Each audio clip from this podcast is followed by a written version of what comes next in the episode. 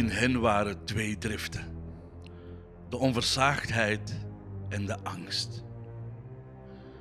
Wanneer deze twee hartstochten zich in de tegenwoordigheid van een dreigend gevaar te samensmelten, veranderen zij in razernij. Dit gebeurde ook onder de Vlamingen. Hun ogen werden stijf en halstarrig.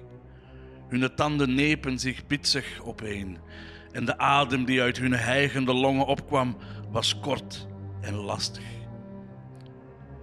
Een schrikverwekkende stilte heerste boven het leger. Zij stonden reeds enige tijd al dus in een lange rij geschaard, wanneer de zon boven de kim gerezen zijnde hun het leger der Fransen liet zien. De ruiters waren zo menigvuldig dat een korenveld minder haren draagt dan er speren boven de vijandelijke benden uitstaken. De peerden der voorste gelederen stampten ongeduldig met de voeten en besproeiden hun ijzeren deksels met witte vlokken schuim. Wie zal de eer hebben van den eerste steek te doen? Was het algemeen gepeins dat hen met ongeduld vervoerde. Allen hielden daarom hun peerden gereed en de speer geveld. Om op het eerste bevel, op het minste teken des veldheers, vooruit te springen.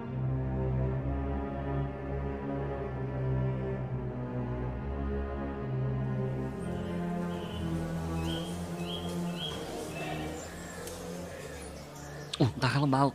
Pardon, ik was even helemaal meegezogen in De Leeuw van Vlaanderen, de roman van Hendrik Conscience.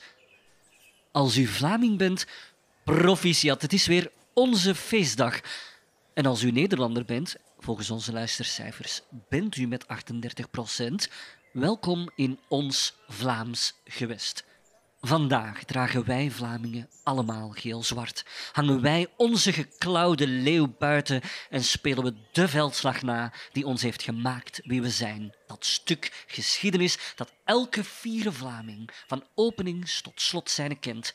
Het verhaal van de fameuze Gulden Sporenslag. En elk jaar lezen wij dan hoofdstukken voor uit dit boek. En voelen we die flamingante siddering door onze ruggengraten schieten. Bon, zwart. Ik ben aan het overdrijven. Maar voor de beleving zit ik dit jaar toch maar een terrasje te doen op het charmante Conscienceplein in Antwerpen. Hendrik is er zelf ook bij. Daar zit hij, in het brons, op zijn stoel. Nederlandse luisteraars, omdat we er niet van mogen uitgaan dat u Vlaamse geschiedenis zo goed kent als wij zelf, doen we dit verhaal met plezier even voor u uit de doeken. We reizen nu met z'n allen naar het graafschap Vlaanderen en het jaar is 1302. De lakenindustrie heeft Brugge, Gent en Yper zeker geen windeieren gelegd en die steden gaan prat op hun stadsrechten. We mogen ons daar echter niet op blind staren. In zo'n middeleeuwse stad zijn er enorme sociale verschillen omdat de landbouwproductiviteit is toegenomen, leeft maar liefst 30% van de Vlamingen in een stad. En de gevolgen van die constante migratie zijn hard. Lage lonen en dure woonsten. Beeld u dus maar gerust concentratiewijken in van ambachtslieden, ongeschoolde arbeiders, maar ook bedelaars, alleenstaande vrouwen. Maar daartegenover heb je dan het chique stadsdeel van het patriciaat, dat zijn de grote handelaren en de grondeigenaren. Het grotere plaatje dan. De graaf van Vlaanderen heet Gwijde van Dampierre. En die is wat men noemt een vazal van de Franse koning Philips de Schone. De graaf houdt Vlaanderen in leen. En in naam van zijn leenheer, de koning dus, bestuurt hij het graafschap, spreekt hij recht en levert die troepen in oorlogstijd. Vlaanderen en Frankrijk zijn echt verstrengeld. Enkele voorbeelden. Vlaams laken wordt uitgewisseld voor Franse wijn. Het Hof van de Graaf, dat is het Gravensteen in Gent, is ingericht naar Frans model. En de graaf die spreekt zelf ook Frans. Vlaamse en Franse adel sluiten onderling huwelijken. Franse mannen bezetten hoge functies. De taal, het Frans, verspreidt zich. Maar, probleem. De graaf staat in een lastige spagaat, een grand écart. Want goh, de Vlaamse kooplieden en de arbeiders die zijn op Engeland gericht. En nu wil het toeval dat Frankrijk en Engeland oorlog aan het voeren zijn met elkaar over gebieden ergens in Aquitanië. Vlaanderen wordt de inzet. En niet alleen door zijn ligging, maar ook door de core business van het graafschap. Het Vlaams laken. Onovertroffen, wereldvermaard voor zijn kwaliteit en zijn kleuren, verkocht tot in de Oriënt. Maar dat laken dat wordt gemaakt van wol van Engelse schapen.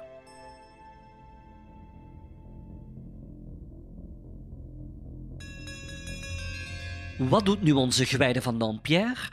Wel, hij heeft de euvele moed om de kant van de kooplieden te kiezen. Philips de Schone, de Franse koning, die denkt zoiets als tja, en als vergelding zet hij de graaf gevangen. En daarbovenop stuurt hij een leger om het koninklijk gezag in Vlaanderen te herstellen. En ze gaan het daar in Vlaanderen geweten hebben. Stedelijke privileges worden afgeschaft. Het gevolg is dat de stedelijke bevolking in twee kampen valt. Enerzijds heb je de patriciërs, die zijn doorgaans Fransgezind en worden de leliaards genoemd, naar de Franse lelie. Daartegenover heb je dan de aanhangers van de graaf, vooral de ambachten, het werkvolk. Zij noemen zich klauwaards, naar de Vlaamse leeuw. Er wordt een verbond gesmeed tussen Gwijde van Dampierre en een populaire wever, een rasechte rebel met de naam Pieter de Koning. Ah, maar wacht, hè. daar schrijft Conscience ook over in een spannend hoofdstuk. Dat van de Brugse Mette. Waar staat het weer? Ah, hier. Ja.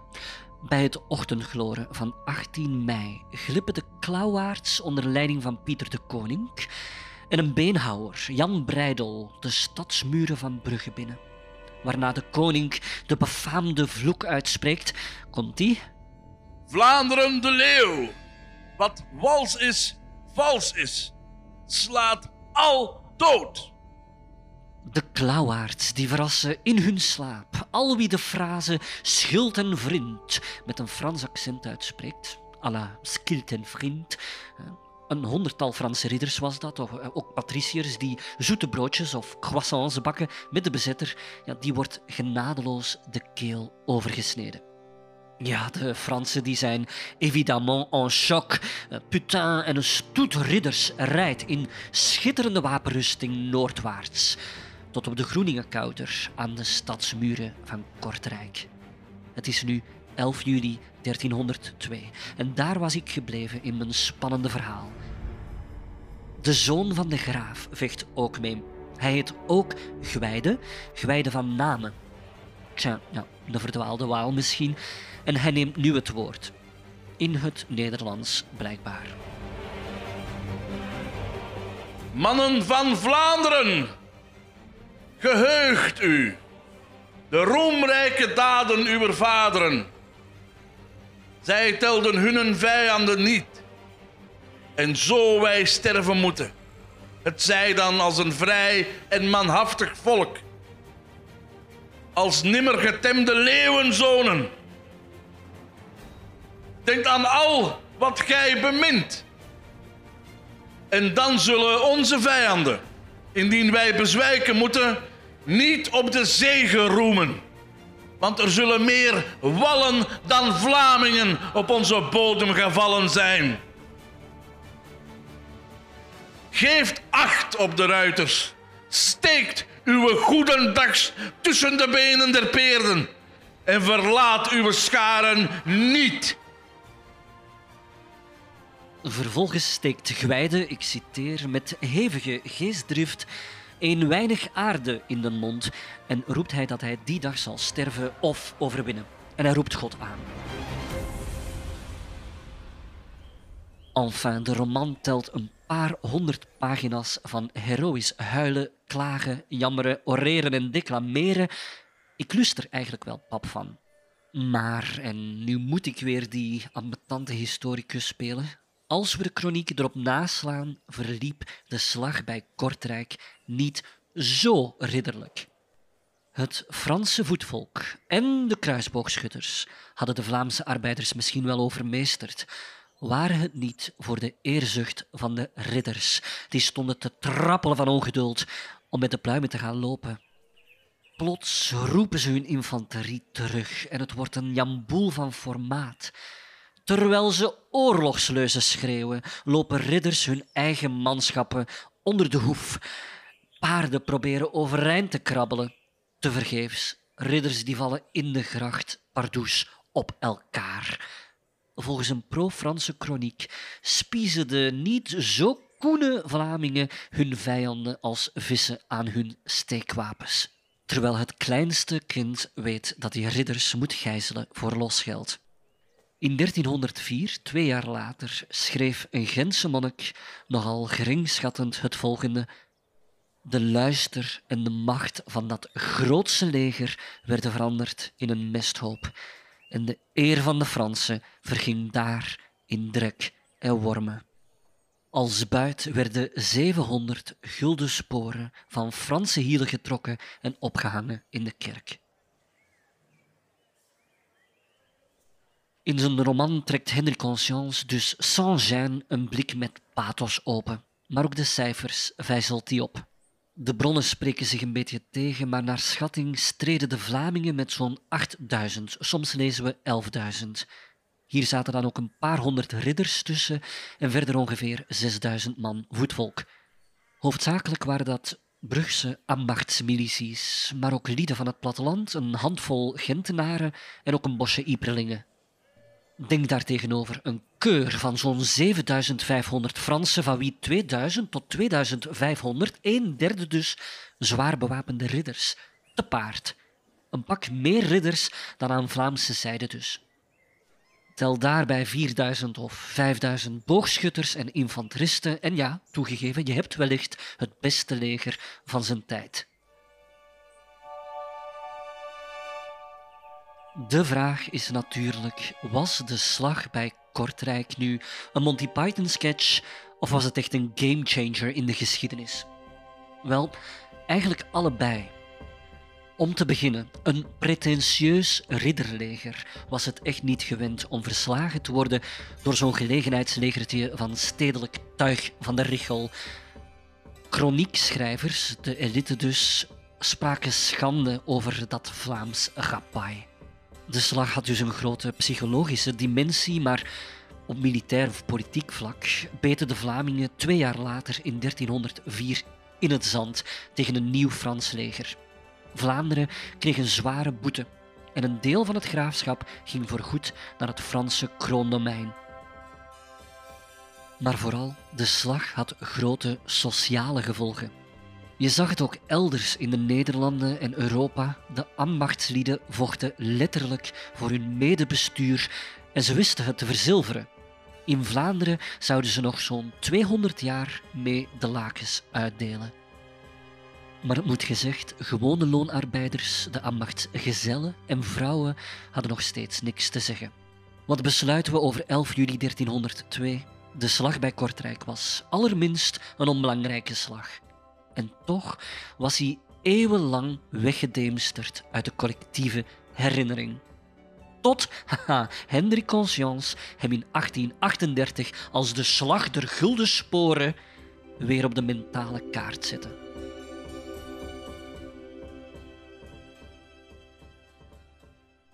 Conscience doet het toch wat klinken alsof wij, het Vlaamse volk, ons leven danken aan die, wat was het, nimmer getemde leeuwenzone. Had de man die zijn volk leerde lezen nu een flamingante agenda of eerder een Belgicistische? Oh ja, ik, ik weet het niet. Maar gelukkig zit hier naast mij iemand met een dokterstitel in literatuur en Vlaamse natievorming. Zijn naam is Kevin Absilis van U Antwerpen. Dag Kevin. Kan je ons nu eens uitleggen wat we van die Henry Conscience moeten maken? Goh, ik denk, als je de volledige geschiedenis bekijkt van het moderne Vlaanderen en het moderne België, dat misschien niemand meer invloed heeft gehad op hoe een Vlaamse en ook wel Belgische identiteit, collectieve identiteit verbeeld is geweest. Hè, met een invloed die doorwerkt tot uh, vandaag. Dat heeft te maken met de ongelooflijk grote invloed die een aantal van zijn historische romans hebben uh, gehad op de gemeenschap om zich te leren Vlaming te voelen. Hè, om zich te leren Belg te voelen. Want bij Conscience gingen die twee gevoelens vaak nog probleemloos, of misschien niet altijd even probleemloos samen, maar dan waren ze toch perfect verzoenbaar. Dus aan zijn Belgisch patriotisme lag het niet. Conscience heeft wel vrij snel geconstateerd dat de rechten van de Nederlandstaligen in dat nieuwe België, dat die tot op zekere hoogte wel gewaarborgd waren door de grondwet, maar dat de praktijk te wensen overliet en dat er dus taal- en culturele emancipatie nodig was. Conscience schreef dus in het Nederlands, op zich een daad van politiek belang. Zelfs koning Leopold was het idee genegen. Door die dubbele cultuur te koesteren, kon het piepjonge België zich afzetten van Frankrijk. De slag der Gulden Sporen krijgt in de 19e eeuw epische proporties. In 1886 wordt op de Brugse Grote Markt een standbeeld ingehuldigd van Pieter de Koning en Jan Breidel, maar ik ga het zeggen zoals het is. Jan Breidel wordt in geen enkele middeleeuwse bron fysiek op het slagveld gezet. Apropos, de leeuw van Vlaanderen, wie was dat nu? Wel, volgens Conscience was dat Robrecht van Bethune, of Robert de Bethune, een andere zoon van de graaf. En ook die was op geen velden of wegen te bespeuren daar bij Kortrijk.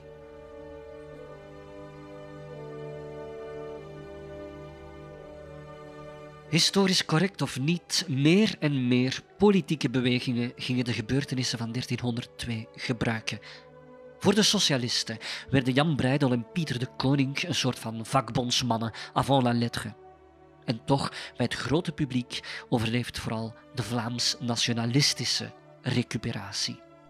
Kevin, is het correct om te stellen dat Conscience de strijd van 1302 gebruikt voor zijn culturele strijd, maar dan 500 jaar later klopt. Die middeleeuwse feodale uh, systeem kon je niet zomaar doortrekken naar uh, de, de, moderne strijd van, van de Vlaamse beweging. Dat was geen taalstrijd uh, die zich heeft afgespeeld op 11 juli 1302. En toch maakt Conscience dat er tot op zekere hoogte van. Waarom doet hij dat? Ja, precies omdat hij dat heroïsche verleden wil gaan gebruiken om ja, meer zelfbewustzijn voor die Nederlandstalige gemeenschap te promoten in de jaren 1830 en dat Vlaams zelfbewustzijn mocht aangewakkerd worden. Hier moeten we even een spoedcursus Belgische geschiedenis geven, al is het maar om onze Noordervrienden niet te doen afhaken. Vlaamse luisteraar, u mag dit doorspoelen, want ja, ook dit kent u door en door.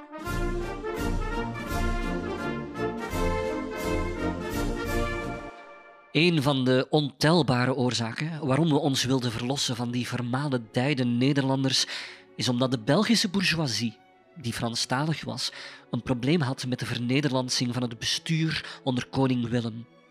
Maar ja, wanneer België wordt gesticht, voelen de Nederlandstalige Belgen zich dan weer verwaarloosd, want Frans is de officiële taal geworden. In het België van 1830 spreekt niet alleen het zuiden van het land Frans, zoals vandaag, het is tevens de taal van the powers that be, politiek, rechtspraak, bedrijfsleven, hoger onderwijs, noem maar op. Ook in de hoofdstad en in Vlaanderen. Al vlug ontstaat de Vlaamse beweging met een culturele agenda, de gelijke behandeling van talen. En omdat die in de praktijk te traag gaat, gaat die Vlaamse beweging meer en meer wegen op de politiek. Vlak voor de Eerste Wereldoorlog zien we dan de eerste tekenen van radicalisering. En de Vlaamse beweging die krijgt dan bij tijd en wijle een anti-Belgisch karakter, met zelfs voorstellen voor een scheiding. En dan in 1914, u kent het verhaal, komt de Duitse bezetter en die kent zijn Pappenheimers. Hij gaat de taalkwestie van België uitspelen met wat zij noemen een Flamenpolitiek dat is een bevoorrechting van de Nederlandstaligen in bezet België. En het is hier dat de kiemen van het activisme gaan groeien. De Grote Oorlog is een echte katalysator. En dan is het ook zo dat, zeker vanaf de periode tussen de twee wereldoorlogen, dat uiveren van conscience, En die grote historische romans worden gerecupereerd door die radicalere vorm van de Vlaamse beweging en die daar allerlei boodschappen en symbolen in gaat projecteren die in die oorspronkelijke teksten helemaal niet op die manier functioneerden of die er niet waren. Zo zie je bijvoorbeeld dat in de jaren 20, 30 ridders hè, opnieuw worden binnengehaald als rolmodellen van krijgs, krijgshaftigheid, viriliteit, mannelijkheid, stoerheid enzovoort. Maar geen enkele van de historische romans van Conscience zet de ridder op de piedestal. De echte, eigenlijke helden zijn eigenlijk altijd de burgers. Hoe eigenlijk met een aantal figuren, personages, uh, gebeurtenissen en symbolen er een veel rechtser verhaal wordt opgehangen. Een rechtsnationalistisch, Vlaams-nationalistisch, separatistisch verhaal. In de jaren 30 krijgt het dan helemaal gestalte via verrechtsende bewegingen. Hè. VNV, Vlaams Nationaal Verbond bijvoorbeeld, die dan ook een groot deel van de Vlaamse beweging, of misschien niet zozeer een groot deel, maar wel een heel luidruchtig deel, uh, in die collaboratie, de tweede collaboratie, brengt. Net zoals Conscience zelf aan de haal ging met historische feiten, gaan flaminganten later met hem aan de haal. En nog steeds rust er een soort van odium op de schrijver. Het sociale karakter van de slag bij Kortrijk, de rol van de ambachten, is compleet in de coulissen van de geschiedenis verdwenen.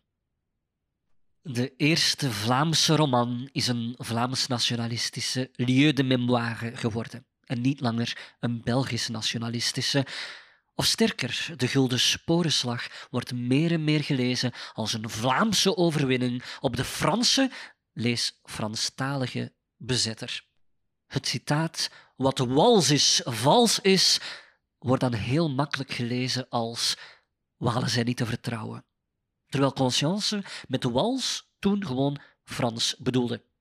De Vlaamse feestdag, 11 juli, die vieren we sinds 1973. En net zoals de Fransen met hun 14 de juillet, creëert elke natie haar eigen mythes. Maar het verhaal van een middeleeuwse Vlaamse onafhankelijkheidsstrijd lekt als een vergiet. Ook vandaag merkt Kevin dat Vlaamse nationalistische partijen het erfgoed van Conscience recupereren. Bart de Wever, de burgemeester van Antwerpen en voorzitter van NVA, de Nieuw-Vlaamse Alliantie, heeft al meermaals publiekelijk naar Conscience verwezen. Hij noemde de naamsverandering van het Antwerpse Pieter de Koninkplein naar Herman de Koninkplein idioot, een manier om Conscience onder de mat te vegen. Vandaag heet het de Koninkplein. Maar misschien een kleine suggestie. Het Jan Breidel-stadion kan Pieter de Koning-stadion worden, want voorlopig is dat dus vernoemd naar iemand die wellicht alleen maar het vlees heeft geleverd voor de Gulden Sporenslag. Ook radicalere groeperingen dwepen met conscience, zoals Schild en Vrienden, een Vlaams-nationalistische, identitaire jongerenbeweging, zoals ze zichzelf noemen. Ik heb hier een sticker naar aanloop van de verkiezingen, met daarop 1302, 2024, andere tijden, zelfde strijd. En op hun website lees ik het volgende. In 1302 werd een strijd gevoerd die van groot belang zou zijn voor de Vlaamse identiteitsvorming. Om die Vlaamse identiteit in stand te houden, zullen we ons volk in 2024 opnieuw moeten verenigen tegen zij die ons willen breken. Dus voor de mannen van Schild en Vrienden ja, resoneert Conscience daar natuurlijk in mee. Op hun t-shirt staat ook hè, sinds 1302, alsof zij uh, in de nasleep van 1302 de eer, de Vlaamse eer, hoog houden. Dat zij een beetje de, de breidel, de koning en misschien wel de Robrecht van Bethune van vandaag zijn. De vijand is dan niet meer de Franse tegenstander, maar ja, zeg maar de vreemdelingen hè, eh, die, die het homogene Vlaanderen bedreigen enzovoort. Maar dat betekent ook dat dus de mensen van het andere kamp, zeg maar dan, als we nu zo toch in twee, uh, tweedeling spreken, dat zij die hele conscience maar een rare snuiter op zijn best vinden en eigenlijk ook een verdacht sujet, want ja, blijkbaar geeft hij toch de hele tijd inspiratie aan allerlei foute opvattingen. Dus dat zal allemaal wel fout zijn in dat uiveren. Decennia lang had Conscience haast een monopolie op de verbeelding van ons nationale verleden. Met zijn talrijke romans over het middeleeuwse Vlaanderen, de beeldenstorm, de boerenkrijg, Generaties schoolkinderen groeiden op met die leeuw van Vlaanderen. Maar vandaag haalt intellectueel Vlaanderen zijn neus op voor conscience. Onleesbaar, dat hoor je heel vaak.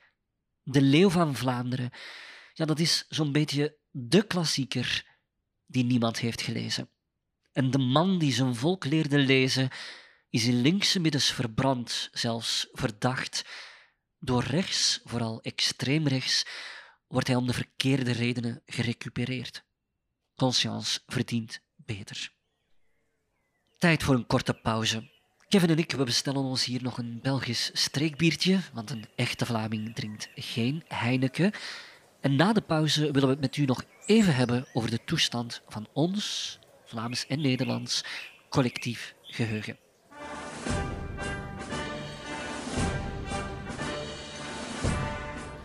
Edelen van Vlaanderen, welkom op het slagveld. Wij voeren vandaag actie om ons Vlaams cultureel erfgoed en onze toekomst veilig te stellen. Een aantal linkse subsidie-VZW's wil vandaag het Gravenstenen Gent bestormen. Voor hen staat dit kasteel symbool voor Fort Europa. Zij willen actie voeren voor een Europa met volledige open grenzen. Zij willen honderden miljoenen nieuwe illegale migranten die hier geen toekomst hebben, lokken naar Europa. Vrienden, gedenk God, wiens stempels de Fransman heeft geschonden. Gedenk uw kinderen, die de Fransman de keel zal oversnijden als hem dit toelaat. Geen genade! Sla ridders en paarden dood!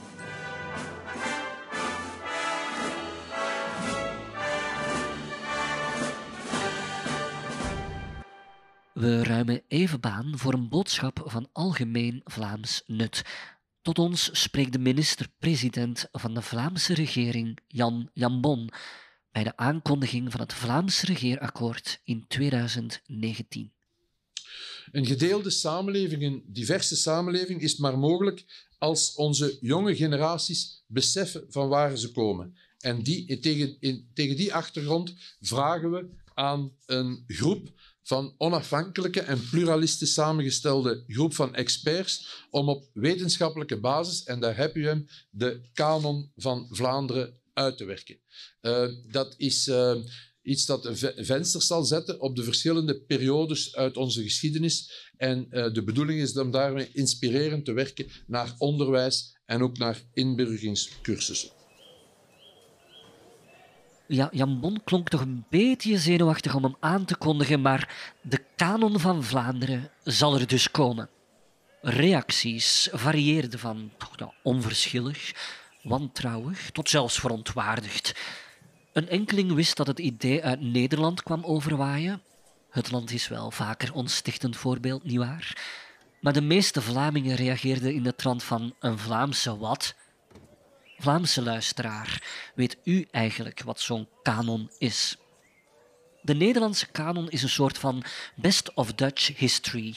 Een lijst gaande van Hunnebedden over Erasmus, Willem van Oranje en Rembrandt, langs de VOC, ook de grondwet, helemaal tot het laatste item, het oranje gevoel. Wij Vlamingen vinden dat opvallend. Ooit belandde ik eens op Koningsdag en het leek echt alsof een sinaasappel, of zoals wij zeggen appelsien, was uitgeperst over Amsterdam. Ik wil dit even rechtzetten. Ik loog in het begin van de aflevering. Op 11 juli dragen wij heus niet allemaal geel-zwart. Terug naar 2019 dan. Onze openbare omroep, die heet de VRT, riep prompt de Vlamingen op om suggesties te doen voor de kanon.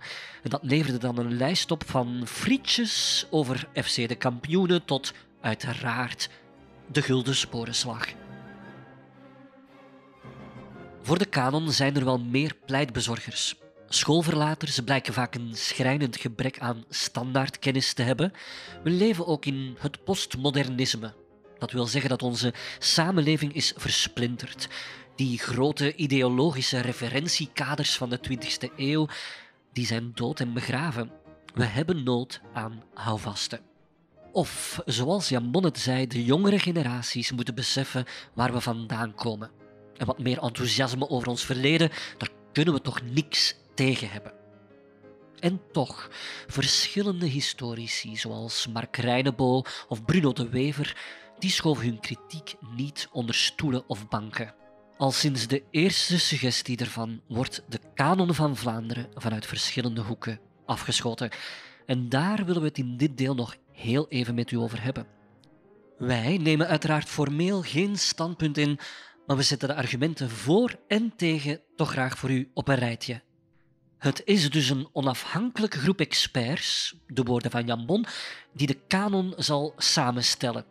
En wat wil het toeval nu dat we met één daarvan aan tafel zitten?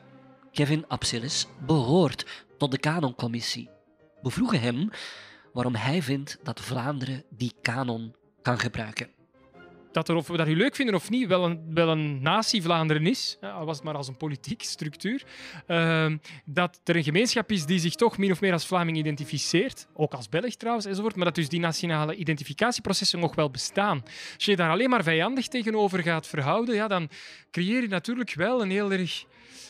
Ja, maak je het heel erg moeilijk uh, voor jezelf. Er zijn mij weinig andere gemeenschappen bekend waar het zo moeilijk ligt om op een uh, serene manier over een gedeeld verleden, over publieke identiteiten, collectieve identiteiten te praten. Moeten wij nu ook een geel gevoel krijgen? Herinner u het succes van tv-programma's als De Grootste Nederlander of De Grootste Belg? Ook de grootste bron van kritiek bij de tegenstanders is dat hele idee van Vlaamse natievorming of Vlaamse identiteit of Vlaams. De kanon van Vlaanderen is een stokpaardje van de NVA, dat weet vriend en vijand. Maar noem het gerust een stokveulen, want in 2002 schreef een jonge historicus genaamd Bart de Wever nog het volgende. Ik citeer. Een officiële versie van het verleden opleggen als dienstmaagd voor het politieke heden is typisch voor totalitaire regimes. In een democratie moet de overheid daaromtrent de grootste schroom aan de dag leggen. Tegenstanders van de kanon, onder wie zijn broer Bruno de Wever, historicus aan de UGent, ja, die merkte fijntjes op dat hij twintig jaar later als doorgewinterd politicus minder schroom aan de dag legt. En historicus Bert de Munk die vroeg zich dan weer af of een populair, iets wat commercieel format als De Grootste Belg wel aan het onderwijs moet worden opgedrongen.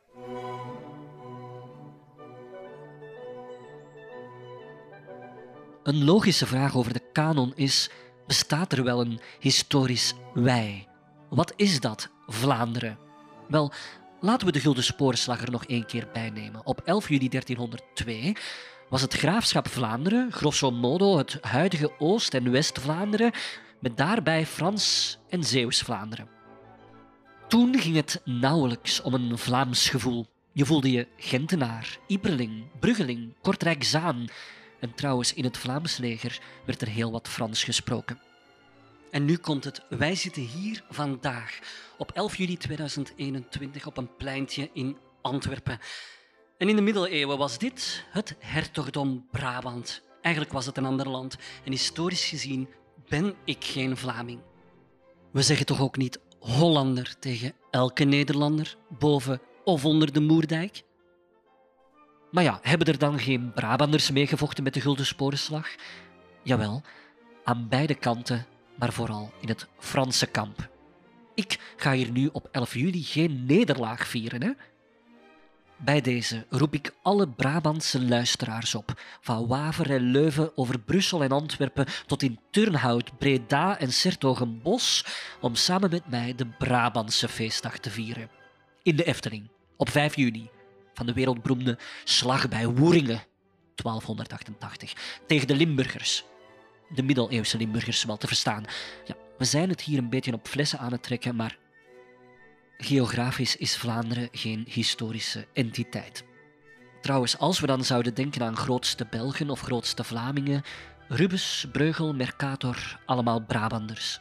De gebroeders van Eyck, die kwamen uit het graafschap Loon, dat is Belgische Limburg vandaag. Zij zouden allemaal vreemd opkijken als ze zich op een Vlaamse lijst zagen staan. Een tweede kritiek die we vaak lezen is dat zo'n kanon het doet klinken alsof het verleden alleen maar kon uitmonden in het heden, die Vlaamse natie. En zoiets noemen wij teleologische geschiedschrijving. Henri Pirenne schreef zijn monumentale Histoire de Belgique begin 20e eeuw op die manier. En mij doet het denken aan die heerlijke plakboeken van Slans Glorie uit de jaren stilletjes Elke sticker was een figuur of gebeurtenis die een steentje bijdroeg aan dat Belgische project. Maar België of Vlaanderen stonden niet in de sterren geschreven. Nee, nee, zo lezen we vaak. Staatsvorming verloopt niet noodzakelijk, maar contingent. Dat betekent het resultaat van de onvoorspelbare loop van de geschiedenis. We vragen Kevin als lid van de kanoncommissie of een kanon niet gewoon wat uit de mode is. De kanon is wat je ervan maakt. Dus uh, ik ben het helemaal met je eens dat bepaalde vormen van kanonisering heel ouderwets lijken. Het lijkt zoiets te zijn van de 19e-eeuwse nationalistische sfeer, waarin helden uit het verleden moesten worden verheerlijkt. Niet alleen met standbeelden, maar ook met straatnamen of in de geschiedenisboekjes en de vaderlandsgeschiedenis, uh, waarbij je dan toch alle grote helden uit het verleden moest kennen enzovoort. enzovoort. Ja, dat soort van kanonisering is in de 21e eeuw zou natuurlijk op zijn best potsierlijk zijn. Er moet geen wantrouwen zijn tegenover de kanon op zich, maar tegenover wat er in die kanon komt. En die denkoefening is een intellectueel mijnenveld. Een derde bron van kritiek gaat over het vastleggen zelf. Het woord kanon alleen al doet denken aan de kanonieke teksten die door de kerk zijn goedgekeurd om samen de Bijbel te vormen. Met andere woorden, de kanon is juist, essentieel, definitief. Maar wij historici zitten daarmee verveeld. Ons is geleerd dat geschiedenis permanent ter discussie wordt gesteld. Ergo, geschiedenis is dynamisch, staat niet vast, laat zich niet betoneren. Een kanon kan dynamisch zijn als je inderdaad afspreekt om hem om de zoveel jaren te herbekijken. Maar vandaag kun je wel een dynamische kanon hebben door interessante selectie te maken. En door bijvoorbeeld eh, niet te kiezen voor de overwinnaars van een bepaald conflict, maar ook de slachtoffers of de verdrukten. Of bepaalde problematische bladzijden uit de geschiedenis naar voren te halen en zeggen van kijk, dit zijn de historische feiten. Het moet natuurlijk feitelijk juist zijn, daarom dat je een zekere expertise hebt. Maar wat die kanoncommissie natuurlijk minder kan, kan dat suggesties formuleren, hè? maar waar ze natuurlijk minder invloed op zal hebben en ook minder invloed op wil hebben, is natuurlijk wat de gebruiker van de kanon, de lezer van de kanon, uiteindelijk aan moreel oordeel of esthetisch oordeel of politiek oordeel zal verbinden met wat zal worden geselecteerd. Als je in je keuze kunt laten zien dat zo één gebeurtenis drie, vier, vijf interpretatiemogelijkheden heeft. Dat een aantal van die interpretatiemogelijkheden misschien in de geschiedenis ook al zijn gebruikt en misbruikt, dan laat je net zien dat zo'n kanon intrinsiek dynamisch is, omdat betekenissen verschuiven, herbenut worden, gerecycled, herbestemd enzovoort.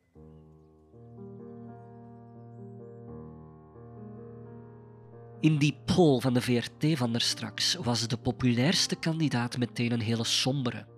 Collaboratie. En we lezen ook De Oostfronters. Vorig jaar nog werd de Nederlandse kanon na 14 jaar herijkt. Er stonden te weinig vrouwen in, exit keizer Karel, enter zijn oma Maria van Bourgondië. En onze Nederlandse vrienden vermelden ook de schaduwzijde van de geschiedenis. Anne Frank, slavernij, Indonesië en zelfs Srebrenica. Voor de Vlaamse luisteraars, in 1995 konden Nederlandse blauwhelmen de genocide op moslims door Bosnische Serviërs niet voorkomen. Ook deze zwarte bladzijden behoren dus tot het Nederlandse collectief geheugen en het is dus niet al oranje gevoel dat de klok slaat.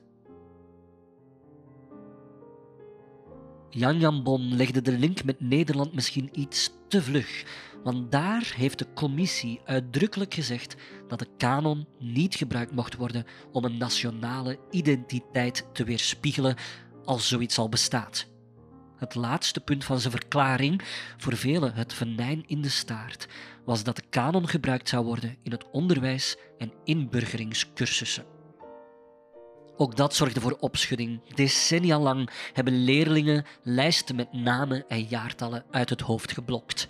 Vandaag in klaslokalen met hyperdiverse klasgroepen ligt de nadruk veel meer op historisch denken, historische vragen stellen, oorzaak en gevolg, de rol van toeval of menselijk handelen, continuïteit en verandering, verschillende perspectieven op dezelfde geschiedenis. Dus niet in de eerste plaats wanneer vond de Gulden Sporenslag plaats, wie vocht tegen wie en waarom, maar eerder welke betekenis gaven mensen later aan de slag bij Kortrijk. Probeer te achterhalen waarom een onderwerp standaardkennis is geworden, dat is pas een echte historische vraag. We wilden Kevin nog één kwestie voorleggen. Hoe kan je van migranten, of zelfs vluchtelingen die alles hebben achtergelaten, verwachten dat ze de gulden sporenslag kunnen uitleggen als de gemiddelde Vlaming hem nauwelijks kent? We gaan iets vertellen over een gedeeld referentiekader of een referentiekader waarvan we veronderstellen dat het gedeeld is, om ook die nieuwkomers op een snelle, frisse, enthousiasmerende manier iets te laten vernemen over ja, hoe dat moderne Vlaanderen tot stand is gekomen zodat ze ook bijvoorbeeld, al was het alleen maar op het niveau van de krant, al eens gemakkelijker zouden begrijpen dat als het ergens over de Gulden Sporenslag gaat, dat ze wel weten wat er dan precies mee wordt bedoeld. Die manier moet er dan natuurlijk ook wel voldoende wederzijds herkenbaarheid worden gecreëerd, zodat je ook daar als vanzelfsprekend een soort van solidariteit. Je woont, je leeft hier, je maakt deel uit van die gemeenschap. Je hebt misschien wel een aantal culturele verschillen, maar die kunnen we absorberen, we kunnen van elkaar leren enzovoort enzovoort. Dus in dat opzicht hoeft het ook niet exclusief te zijn. Hè?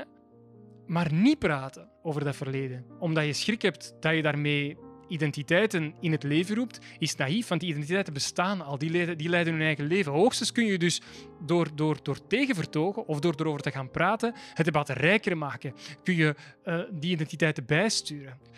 Niet praten over de kanon lijkt mij uiteindelijk potentieel gevaarlijker dan er een zo divers mogelijk en een rijk geschakeerd mogelijk debat over voeren. Wijze woorden om mee af te sluiten. Over de inhoud van de kanon, daarvoor moeten we wachten tot volgend jaar. Ons zou het verbazen als de slag bij Kortrijk niet op de een of de andere manier goeiedag kwam zeggen.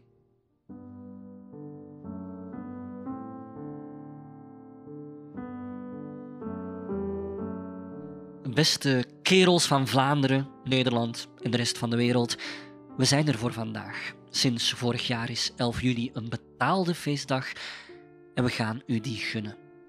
Nu drinken we nog een wit Geneverke hier op het Conscienceplein. Dat is na ons bezoek aan de Ruien echt een must als je in Antwerpen zijt. Kanoniek. En dan lezen we nu al te gader de laatste woorden van de leeuw van Vlaanderen. Gij, Vlaming, die dit boek gelezen hebt, overweeg bij de roemrijke daden, welke hetzelfde bevat wat Vlaanderen eertijds was, wat het nu is en nog meer, wat het worden zal. Indien gij de heilige voorbeelden uw vaderen vergeet. Gelukkig zijn wij er nog, de podcast die zijn volk leerde luisteren. Maar ook ons boek is uit. Tijd voor de zomer van de vrijheid. Dit was onze laatste aflevering van dit seizoen. Voor vandaag bedanken we Hendrik Conscience om zo onsterfelijk te zijn. Hij werd vertolkt door Geron de Wulf, comedian, acteur en improvisatiecoach. Onze dank gaat ook uit naar Kevin Absilis, eloquent en erudiet. Een betere specialist konden we ons niet wensen. De aflevering werd meegeschreven door Benjamin Gooivaarts en Laurent Pochet. Montage werd gedaan door Philip Vekemans. Mijn naam is Jonas Goosenaerts. Volg ons op Facebook en Instagram. Tot slot willen we met trots aankondigen dat we onlangs voor de miljoenste keer zijn beluisterd. We kunnen het zelf nog niet geloven. En daarvoor aan al onze luisteraars, jullie dus, een miljoen keer merci. Dat is Vlaams voor dankjewel.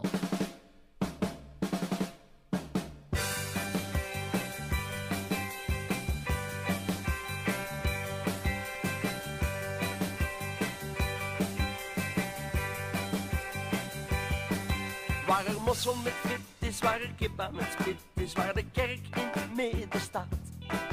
Waar de purperen hei bloeit en het geld in het zwart vloeit, waar men nauwelijks Nederlands praat. Waar een diploma geen zin heeft en de koning geen kind heeft, waar de schuimwijnkoning in defileert. Waar het volk goed lachs is en een vuist zonder kracht is, waar men fouten aan de toog expliqueert. Vlaanderen boven, waar men de Heer nog kan loven, waar de mensen belangrijk zijn